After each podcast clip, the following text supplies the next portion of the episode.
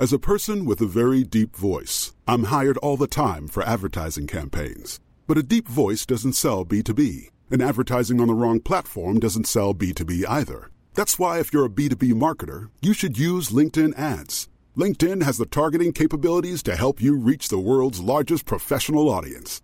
That's right, over 70 million decision makers all in one place. All the big wigs, then medium wigs, also small wigs who are on the path to becoming big wigs. Okay, that's enough about wigs. LinkedIn ads allows you to focus on getting your B2B message to the right people. So, does that mean you should use ads on LinkedIn instead of hiring me, the man with the deepest voice in the world? Yes. Yes, it does. Get started today and see why LinkedIn is the place to be to be. We'll even give you a $100 credit on your next campaign. Go to linkedin.com slash results to claim your credit. That's linkedin.com slash results. Terms and conditions apply. Hey, I'm Ryan Reynolds. At Mint Mobile, we like to do the opposite of what Big Wireless does. They charge you a lot, we charge you a little. So naturally, when they announced they'd be raising their prices due to inflation, we decided to deflate our prices due to not hating you. That's right. We're cutting the price of Mint Unlimited from $30 a month to just $15 a month. Give it a try at mintmobile.com slash switch. $45 upfront for three months plus taxes and fees. Promo rate for new customers for limited time. Unlimited more than 40 gigabytes per month. Slows. Full terms at mintmobile.com.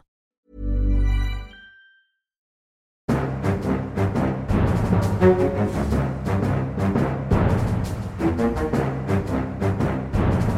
ok, ok. Da kjører vi på med en ny episode av Aftenpodden USA. Kommentator Kristina Pletten er på plass i kottet i Oslo som vanlig. God dag, god dag.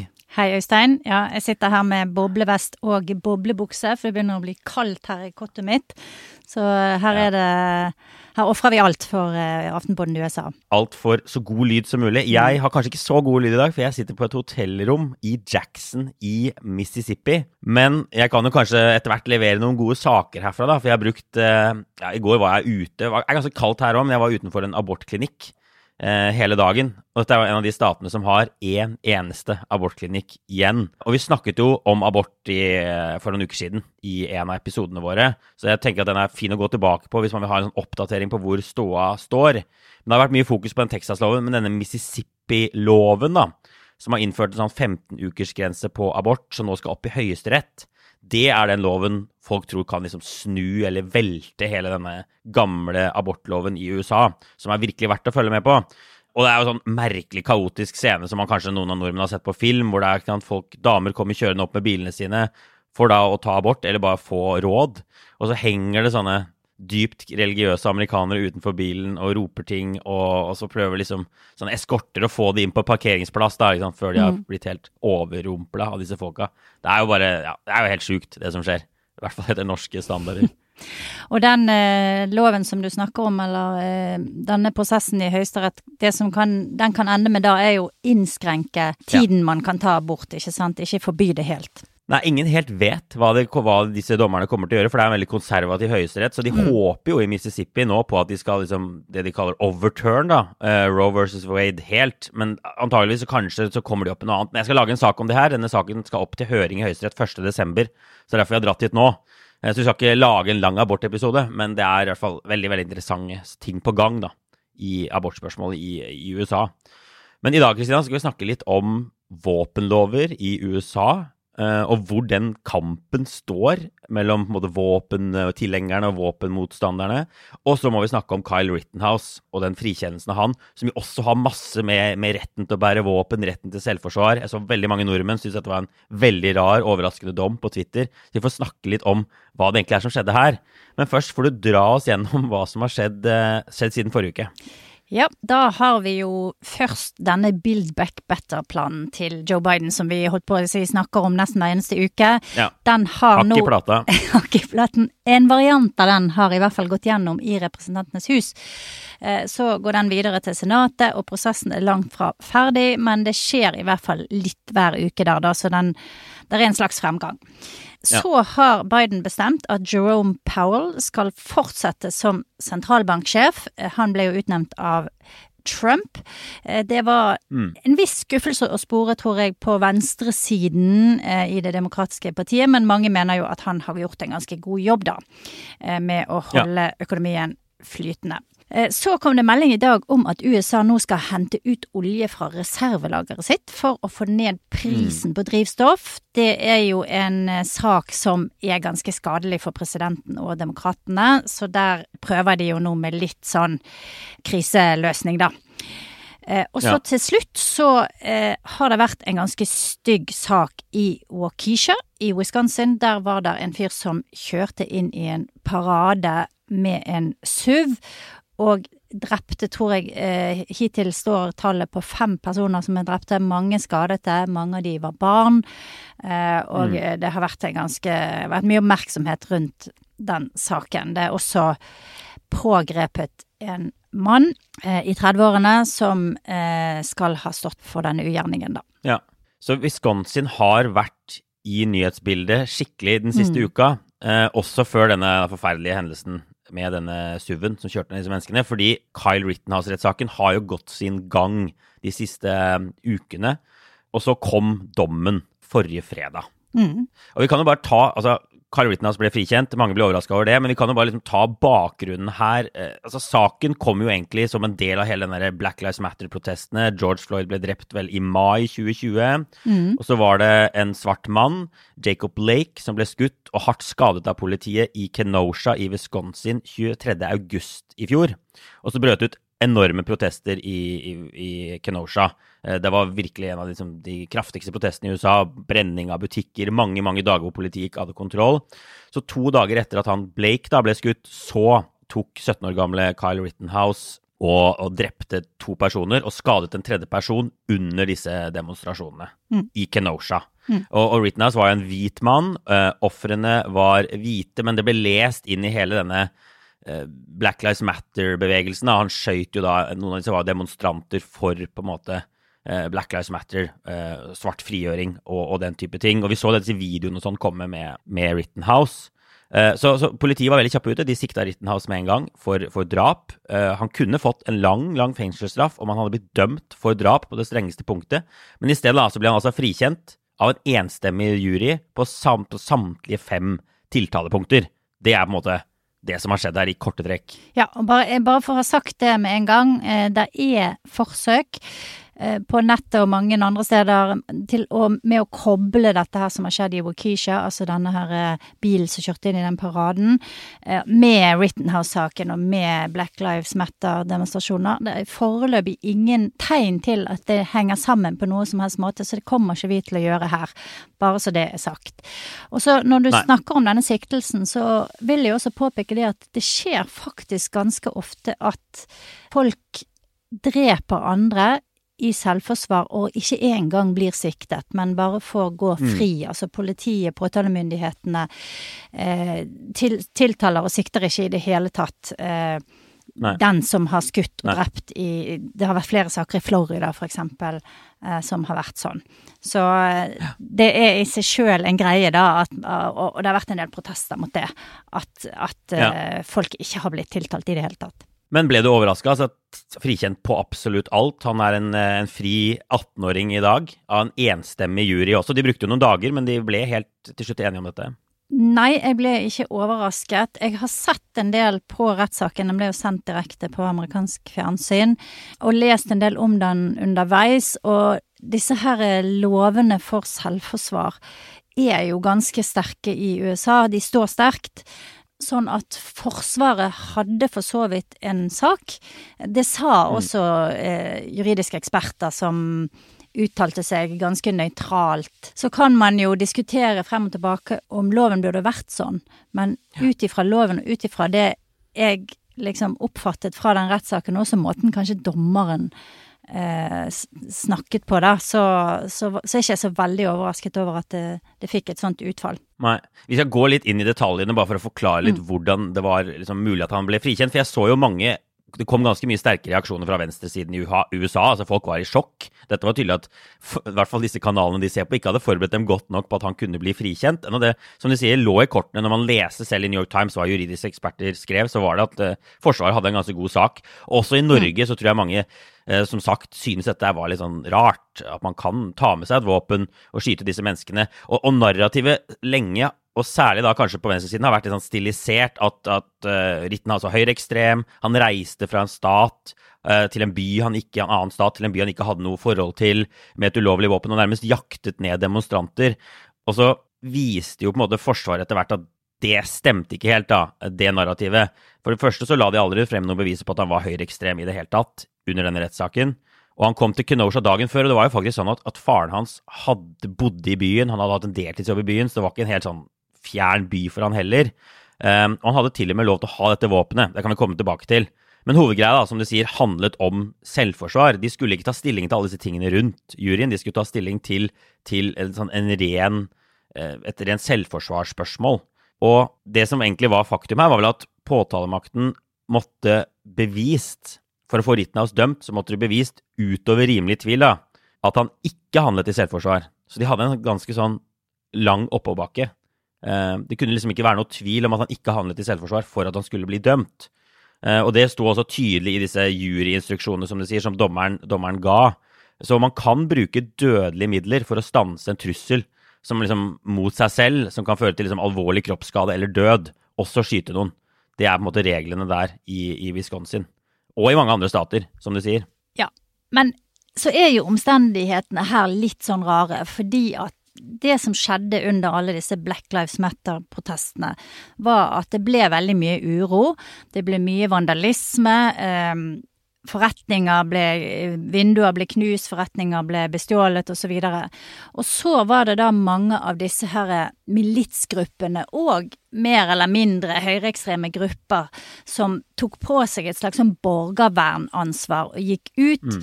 i gatene. Noen dro til andre byer, og så stilte de seg opp i sånn paramilitært utstyr, og gjerne med disse her AR-15 som Rittenhouse hadde, eller andre typer halvautomatiske våpen.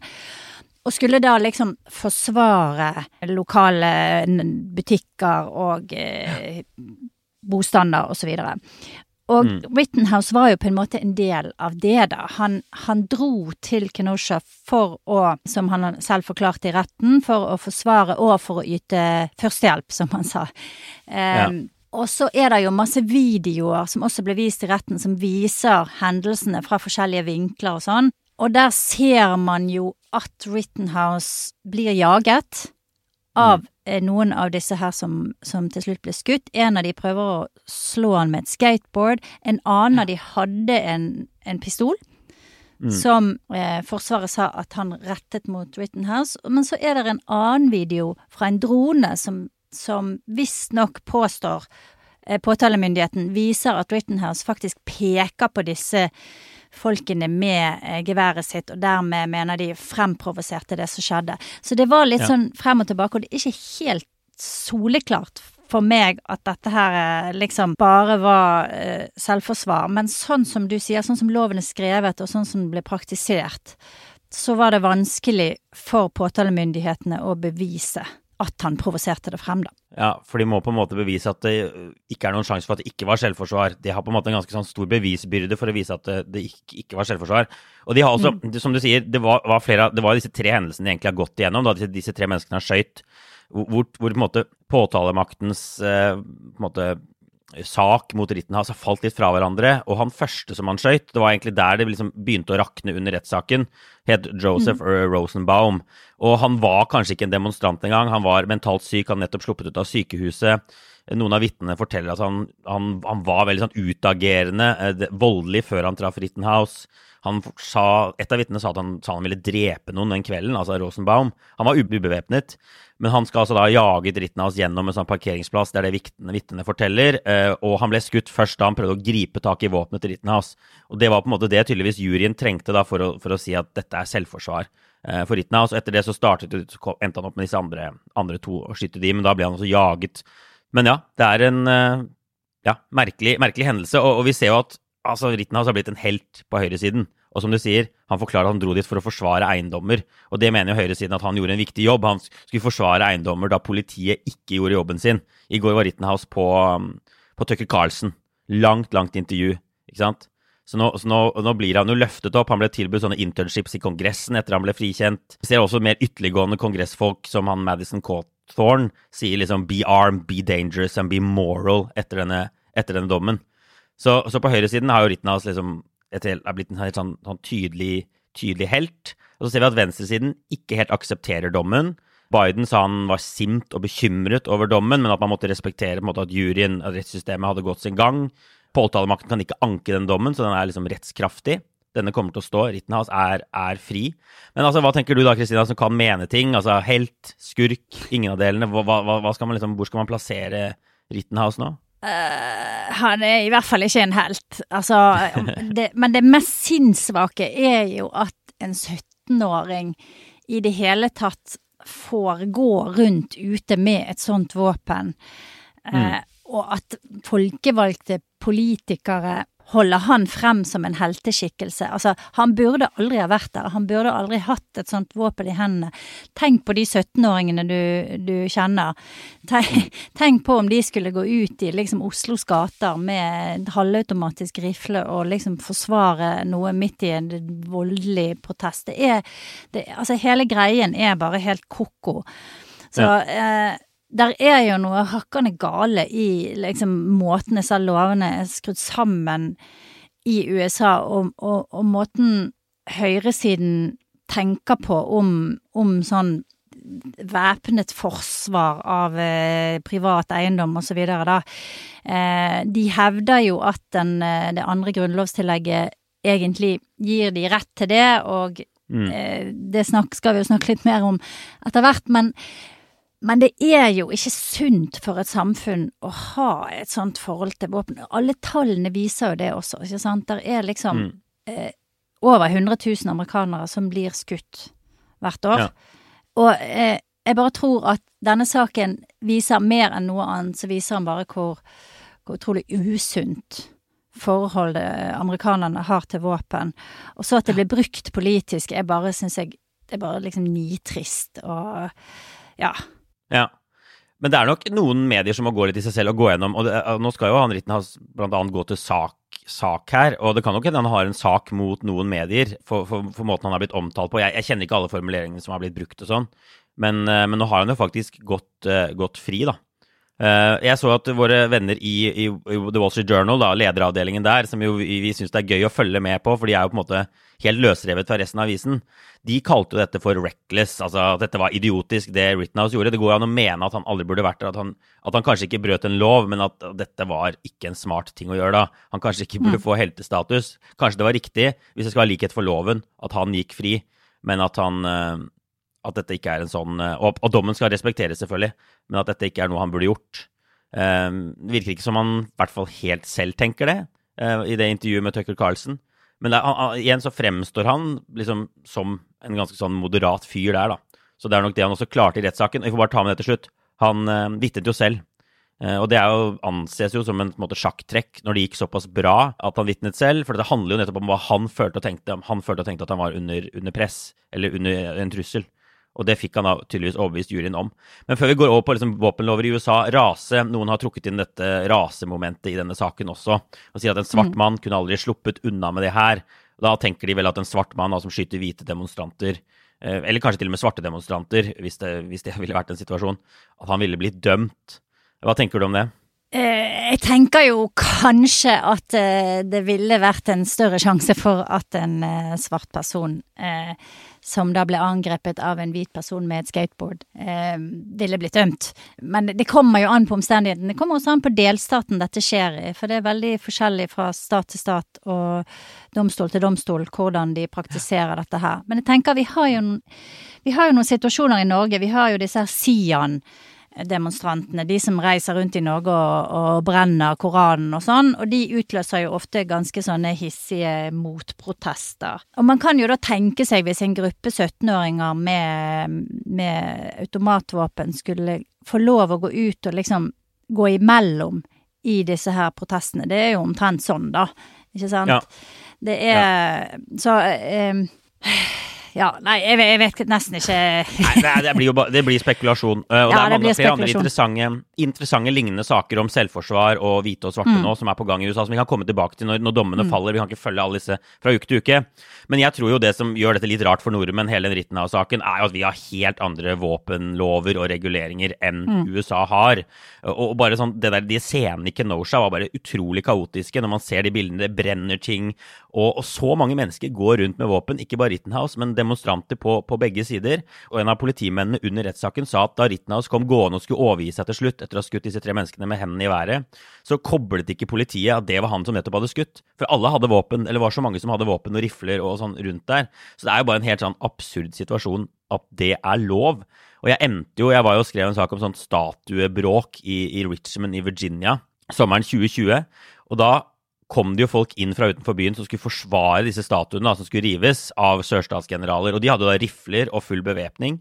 Og så sto ja. jeg plutselig liksom midt i et veikryss, og da var det også masse Black Lives Matter-demonstranter der som også hadde våpen. Så jeg liksom, Når de løfter på seg, ser jeg de har sånne store, store revolver i beltet og sånn. Og jeg står bare plutselig midt i det her. Alle er væpnet til tennene. Det er glovarmt. Det er bare en sånn utrolig potent situasjon. Jeg husker noen sto og skreik. De var så sinte på hverandre, ikke sant. Eh, det skal så lite til før dette bare ender med sju-åtte drepte, da, som er sånn klassisk nyhets, nyhetsmelding man får i USA hver eneste helg. ikke sant? Altså Masseskytinger. Kanskje ikke så mange drepte, da, men det skytes og drepes så mye mennesker. Og det er nettopp på, de, på, de, på grunn av de greiene her at du kan ha med deg våpen inn i en utrolig potent demonstrasjonssituasjon. Det er jo veldig, veldig rart at det har endt opp der. Ja, det, det, er helt sykt. Og eh, American Psychological Associations har jo undersøkt litt hvordan dette her påvirker amerikanernes syke, og hele tiden leve under trusselen um, om å bli skadet av skytevåpen. Da, enten av en galning mm. eller i en eller annen sånn tilfeldig, at du blir liksom et tilfeldig offer der noen eh, skyter på hverandre. Og da sier eh, to tredjedeler av alle amerikanere at, eh, at, det å havne i en masseskyting er den største trusselen mot deres sikkerhet. Så det er jo ganske eh, Det er ganske belastende, tror jeg, for folk å hele tiden ha det der hengende over seg. 79% sier at de føler stress på, på, grunn av at dette her skjer så ofte, da. Så det, det, det er klart at det, mm. for, for samfunnet generelt så er det jo bare helt utrolig skadelig, rett og slett.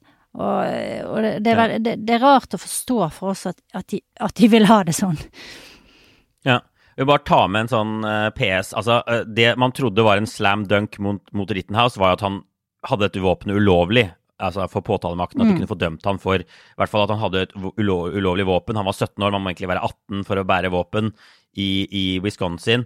Men så viste det da at han, det var et sånt smutthull. For det første ville han ikke fått Eh, et års fengsel engang for, for den anklagen. For det, det, er ikke liksom sett på som så alvorlig da, eh, i, i, Wisconsin eller i USA tydeligvis å bære et våpen uten å ha lov til det. Men, men eh, et smutthull da, som gjorde at lengden på løpet på det rifla han bar, var 40 cm, så, så, kunne han ikke engang tas på det. Og folk klør seg litt i hodet hvorfor det smutthullet er i loven. Det har trolig noe med jaktvåpen å gjøre, at folk under 18 kan, skal kunne jakte og sånn. Men det, så, så, det var derfor han gikk liksom helt fri, da. Eh, så det er mulig at han som ga Rittenhouse dette våpenet, som kjøpte det og ga det til han, at han blir dømt for et eller annet. Eh, men Rittenhouse blir altså da ikke det på grunn av dette smutthullet. As a person with a very deep voice, I'm hired all the time for advertising campaigns. But a deep voice doesn't sell B2B, and advertising on the wrong platform doesn't sell B2B either. That's why if you're a B2B marketer, you should use LinkedIn ads. LinkedIn has the targeting capabilities to help you reach the world's largest professional audience. That's right. Over 70 million decision makers all in one place. All the big wigs, then medium wigs. Also small wigs who are on the path to becoming big wigs. Okay, that's enough about wigs. LinkedIn ads allows you to focus on getting your B2B message to the right people. So, does that mean you should use ads on LinkedIn instead of hiring me, the man with the deepest voice in the world? Yes. Yes, it does. Get started today and see why LinkedIn is the place to be to be. We'll even give you a $100 credit on your next campaign. Go to linkedin.com slash results to claim your credit. That's linkedin.com slash results. Terms and conditions apply. Life is made up of many gorgeous moments. Cherish them all, big and small, with Blue Nile. Whether it's for yourself or a loved one, Blue Nile's unrivaled selection of expertly crafted fine jewelry and statement pieces help make all your moments sparkle. Blue Nile's experts are on hand to guide you, and their diamond guarantee ensures you get the highest quality at the best price. Celebrate a life well lived in the most radiant way and save up to 30% at BlueNile.com. That's BlueNile.com. Men la oss snakke litt om bare hvilken vei det går med både, våpen og våpenrettigheter i USA. Altså, mitt klare inntrykk da, etter å ha fulgt med skikkelig de siste årene, er at våpenmotstanderne taper dette ganske sånn gradvis. Eh, og at liksom, de som kjemper for våpenrettigheter, vinner på en måte seier på seier gradvis. Vi snakket jo for noen uker siden om drapsraten i USA, som har skutt i været under pandemien. Eh, vi vet ikke helt hvorfor, men det er et særamerikansk fenomen. Og vi ser samtidig at liksom, våpensalget i USA er på all time high. Det var det under pandemien. Det er mer og mer hjemmelagde våpen, sånne ghost guns, som, som florerer i samfunnet. Så, så, det er på en måte ingen tegn til at altså, færre mennesker har våpen enn før, f.eks. Eh, eller at det er mindre våpen i samfunnet. Det går heller i stikk motsatt retning, eh, er mitt klare inntrykk. De spør jo av og til, og det er sånn, noe sånn som 40% av amerikanere bor i en husholdning med våpen. Eh, og det har ligget ganske stabilt en stund. Så det tyder jo på at de som har våpen, da kanskje har mer våpen og ammunisjon enn før, når vi ser at våpensalget øker. Men det betyr jo også bare at det er ekstremt mange amerikanere som har våpen rundt seg. 40 altså, av husholdninger.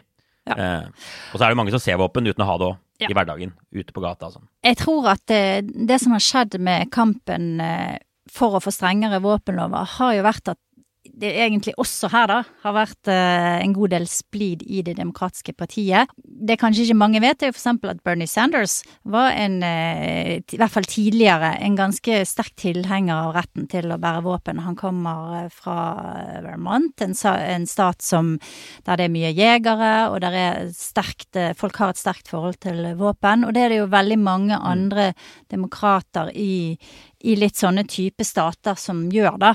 Og, og, det, og den saken har på en måte blitt ofret litt til fordel for andre prioriteringer av demokratene. Og så har det blusset opp hver gang det har skjedd noe stort, sånn som Parkland eller eh, den store skytingen i Las Vegas. Eh, så har det liksom blusset opp en debatt om eh, innstramming av våpenlovene, men demokratene har aldri egentlig satt det liksom øverst på prioriteringslisten. Noen har forsøkt. Eh, Kirsten Gillibrand, senator fra New York og eh, presidentkandidat ved siste valg, var jo en av de som, som kjørte veldig på det. Men, men de har ikke helt klart å få med seg alle i partiet, og jeg tror de ser at det er, eller i hvert fall flere eh, som er litt kyniske, ser at det er en tapersak. Og republikanerne har jo vært helt enstemmig eh, mot enhver form for innstramming. Eh, sånn at eh, Ja. jeg, jeg tror rett og slett ikke det er politisk vilje i USA til å få dette gjennomført. Det er i hvert fall mitt bestemte inntrykk.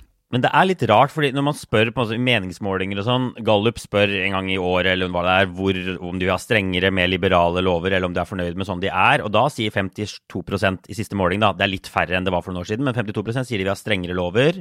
Og så er det bare 11% som vil ha mer liberale lover. Så det er et ganske sånn ekstremt synspunkt. Og så er det sånn å fjerne alle våpen fra gaten, altså innføre et totalt håndvåpenforbud, er det, forbud, er det ganske sånn lav oppslutning om. Men veldig mange vil ha f.eks. sånn universell bakgrunnssjekk, at alle som kjøper våpen, enten det er på liksom gunshows eller i butikk eller fra privatpersoner, skal sjekkes mot et sånt register, da, om de har noe på rullebladet og sånn. Det vil folk ha, det er det kjempehøy oppslutning om. Eh, Og ganske høy oppslutning om sånn å kvitte seg med sånn halvautomatiske rifler, sånn som Rittenhouse brukte. Men, men som du sier, så skjer det ikke noe nasjonalt likevel. Og vi må bare si Demokratene forsøkte å få en sånn lov igjennom da Biden tok over nå, blant annet hvor de skulle innføre sånn universelle bakgrunnssjekker, da. Men det stagnerte da det gikk gjennom huset, og så stagnerte det på denne filibuster-regelen i, i Senatet, for de trenger da å ha med seg ti republikanere på å stemme for det. Mm. Men, men, men sånn helt politisk så virker det jo ikke som en sånn helt umulig sak for de. Men det er tydelig at det liksom Men det er også noe med partipolitikken i Washington og sånn som gjør at det, at det stopper opp, da. Ja, jeg tror det. Og så- er det jo sant, USA er jo også et geografisk demokrati, som vi har snakket om før. Det er ikke bare majoritet-minoritet. Som du ser på meningsmålinger, så, så er det ikke sikkert at det reflekterer eh, den politiske flertallet på samme måte som det Nei, folkelige flertallet. Nei, sant? eksempel, kan det være annerledes. Ja, og sånn som vi snakker om Vermont, da, Bernie Sanders stat, bitte liten stat, eh, har vel eh, under en million eh, innbyggere, Mm. men har allikevel eh, to stemmer i senatet, ikke sant?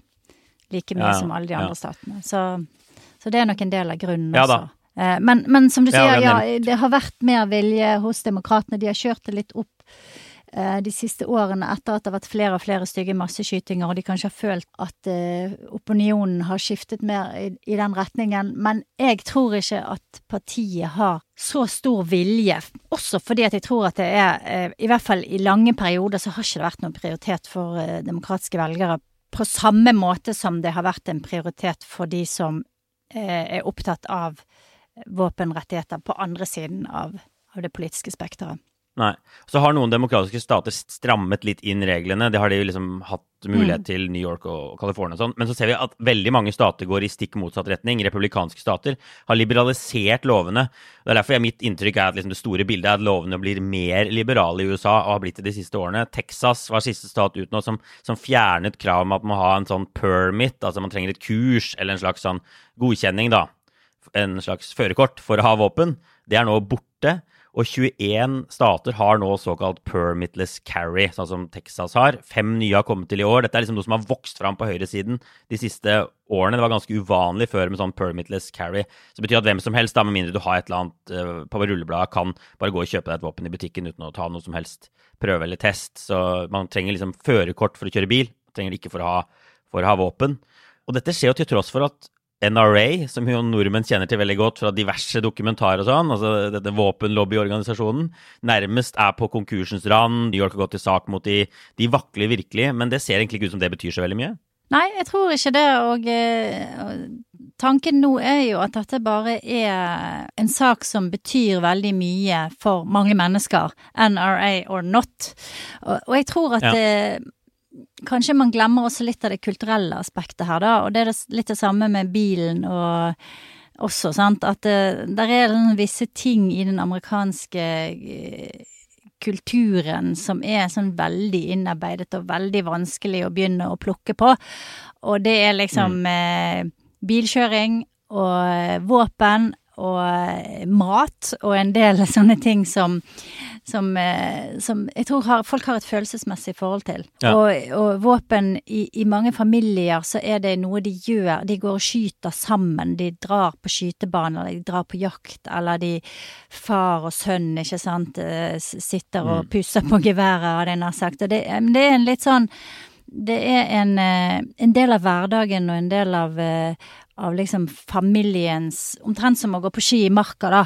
For, uh, ja. for, en familie i Oslo, ikke sant, eller reise på hytten, eller hva vi gjør her i Norge, da. Ja. Og jeg tror at det aspektet glemmer man litt. Og det er vanskelig ja. å forstå for oss her hjemme fordi at vi ikke har et sånt forhold til våpen i det hele tatt, ikke sant. Men, men folk har det rett og slett som hobby. Jeg har vært mange ganger rundt på sånne der eh, våpenmesser og sånn, og da kommer jo folk bare for å gå rundt og se og liksom diskutere ammunisjon, og der har de jo all slags sånn sinnssyke maskingevær og ting som bare ser jeg synes ser dritskummelt ut, da. Men der kommer jo liksom folk med små femåringer og seksåringer, og de går rundt og og, og det, tar det som en liksom hyggelig utflukt med familien. Jeg var en gang ja. på en skytebane der de hadde sånn Family Machine Gun Day. Der folk kunne ta med seg ungene ned til fem år, tror jeg det var. Så fikk de prøve å skyte med en sånn uh, eh, AG3.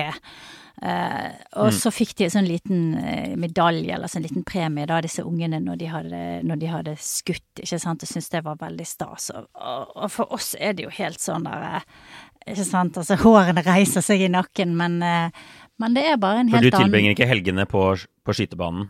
Jeg? Så ofte? Nei, ja. ikke så ofte. Jeg har, vært, jeg har, faktisk vært en gang i California og skutt med, på skytebane for å prøve hvordan det var da. Eh, og, ja. og, har også vært på sånn machine gun-kurs uh, utenfor Las Vegas. For der er det en sånn der, uh, sted der du kan dra og lære deg å skyte med machine gun. Så jeg kan faktisk skyte med, med maskinpistol.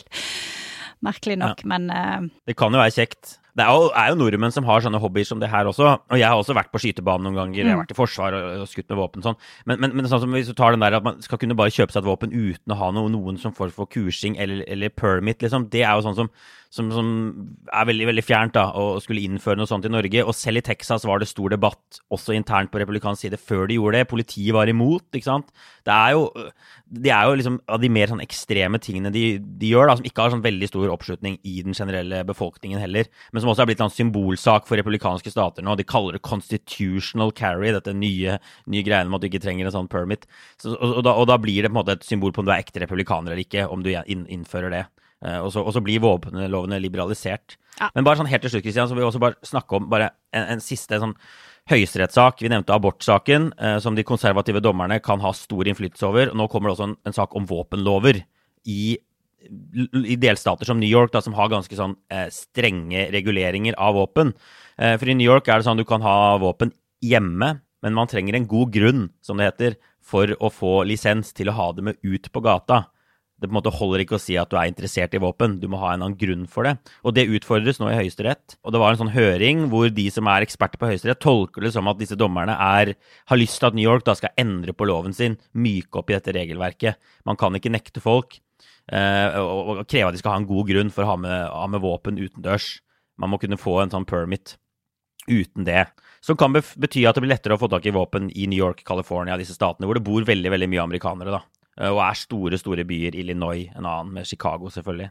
Eh, og Så håper jo jeg da at ikke det betyr fri flyt av våpen på T-banen i New York og sånn.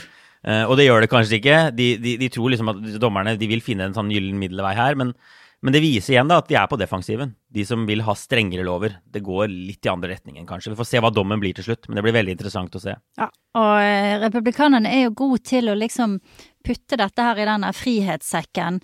At nå angriper de frihetene dine, og det er litt det samme som med munnbind, eller Det, det eneste som er liksom i den andre eh, På den andre siden er jo abort, som du der, der er det liksom motsatt.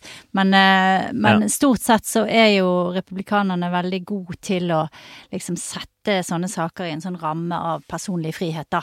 Som er veldig Ja. lett å selge, og, og, og lett også å, tror jeg, drive gjennom domstolene med en sånn eh, argumentasjon.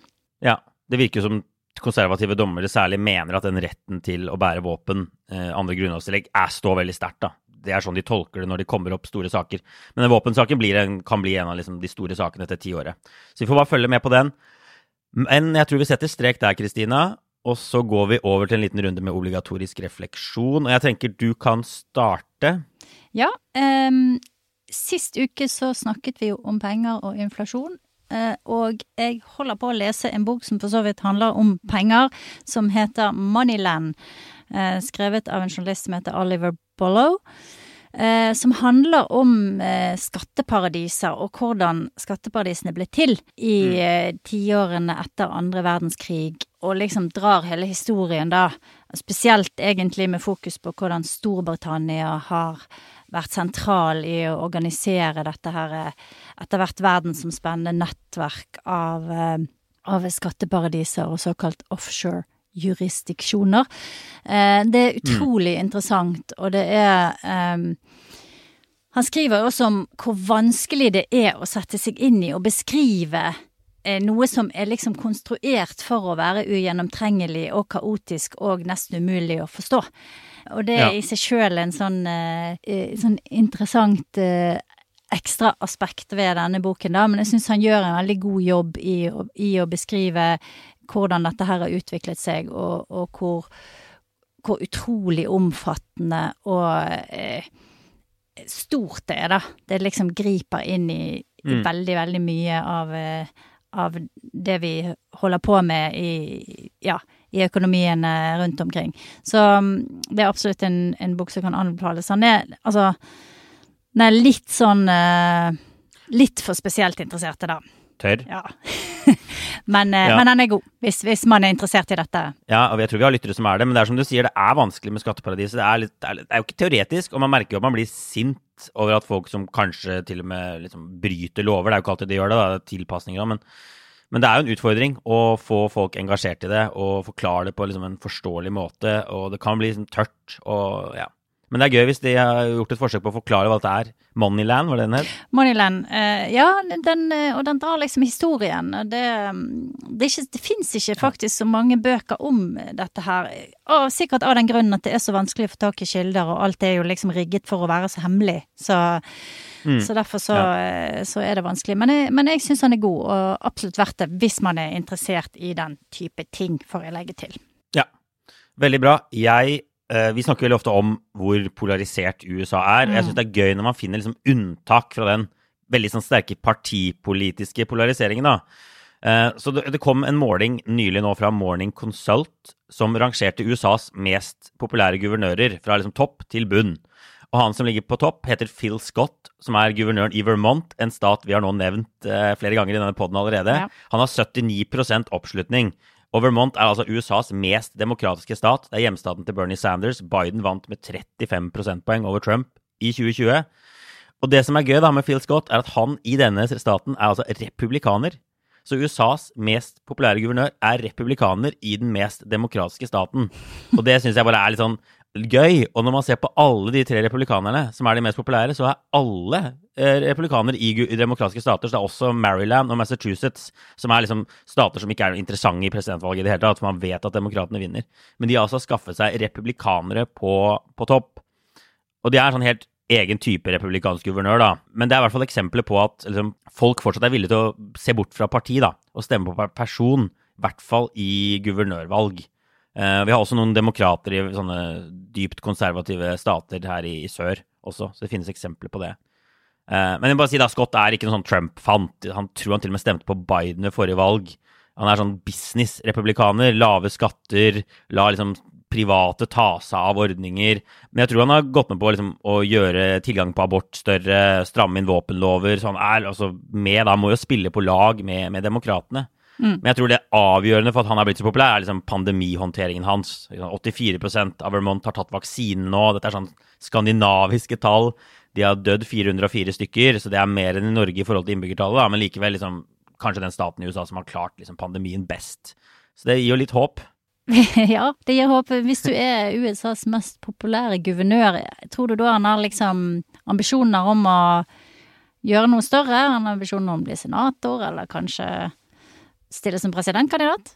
Det er jo det store spørsmålet, ikke sant? Eh, og for hvilket parti. Men han er i hvert fall republikaner i Vermont, da. Og, mm. det snakkes jo om at det kommer opp et senatsete ganske snart. De har noen skikkelig gamle senatorer i Vermont. At han kanskje prøver å stille som republikaner. Men de som er eksperter på det da, sier at da kommer det et helt annet ballgame inn da. Folk kan gjerne stemme på en republikaner som guvernør og få liksom solid styring i hjemstaten, men å sende en republikaner på vegne av Vermont til, eh, til DC, det sier de er liksom, selv om han er så populær, ekstremt vanskelig, fordi det da liksom styrker Det er, det er liksom en indirekte stemme til Donald Trump. Eh, og det er nok vermonterne ikke så veldig interessert i, f.eks. Mm. Eh, så han, de sier at han vil slite, da, med mindre han da prøver å stille som en slags sånn uavhengig kandidat, da. Sånn som Bernie Sanders jo var i utgangspunktet. Eh, og som man ser noen eksempler på. Det finnes jo sånne New England-uavhengige folk. At man kanskje går for det. Hvis ikke så, så kan det bli veldig veldig vanskelig. Men det er jo interessant i seg sjøl at uh, en av de mest populære republikanerne er en moderat politiker uh, som ligger ganske langt fra der partiet beveger seg nå, da. Det er jo i seg selv veldig ja. interessant. Du burde reise opp og gjøre intervju med han. Vi burde, vi burde det. Ja. Ja, det er noen som har gjort saker på det, men det er bare, ja, det er et merkelig fenomen. Det er ikke blitt skrevet så mye om heller. Jeg kan legge ut en lenke til den eh, rangeringen fra topp til, eh, til bunn mm. i gruppa vår Aftenpodden USA, som vi håper folk blir med i.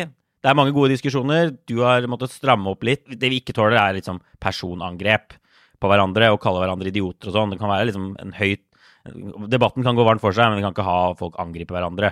Det går ikke. Og så er det jo veldig bra hvis folk prøver å se to sider av en sak, da. Det er ikke alltid så lett, men Absolutt. vi oppfordrer til det. det gjør vi. Jeg tror vi setter strek der, Kristina, og så er vi tilbake om en uke. Og inntil det får alle ha det bra. Ha det, ha det.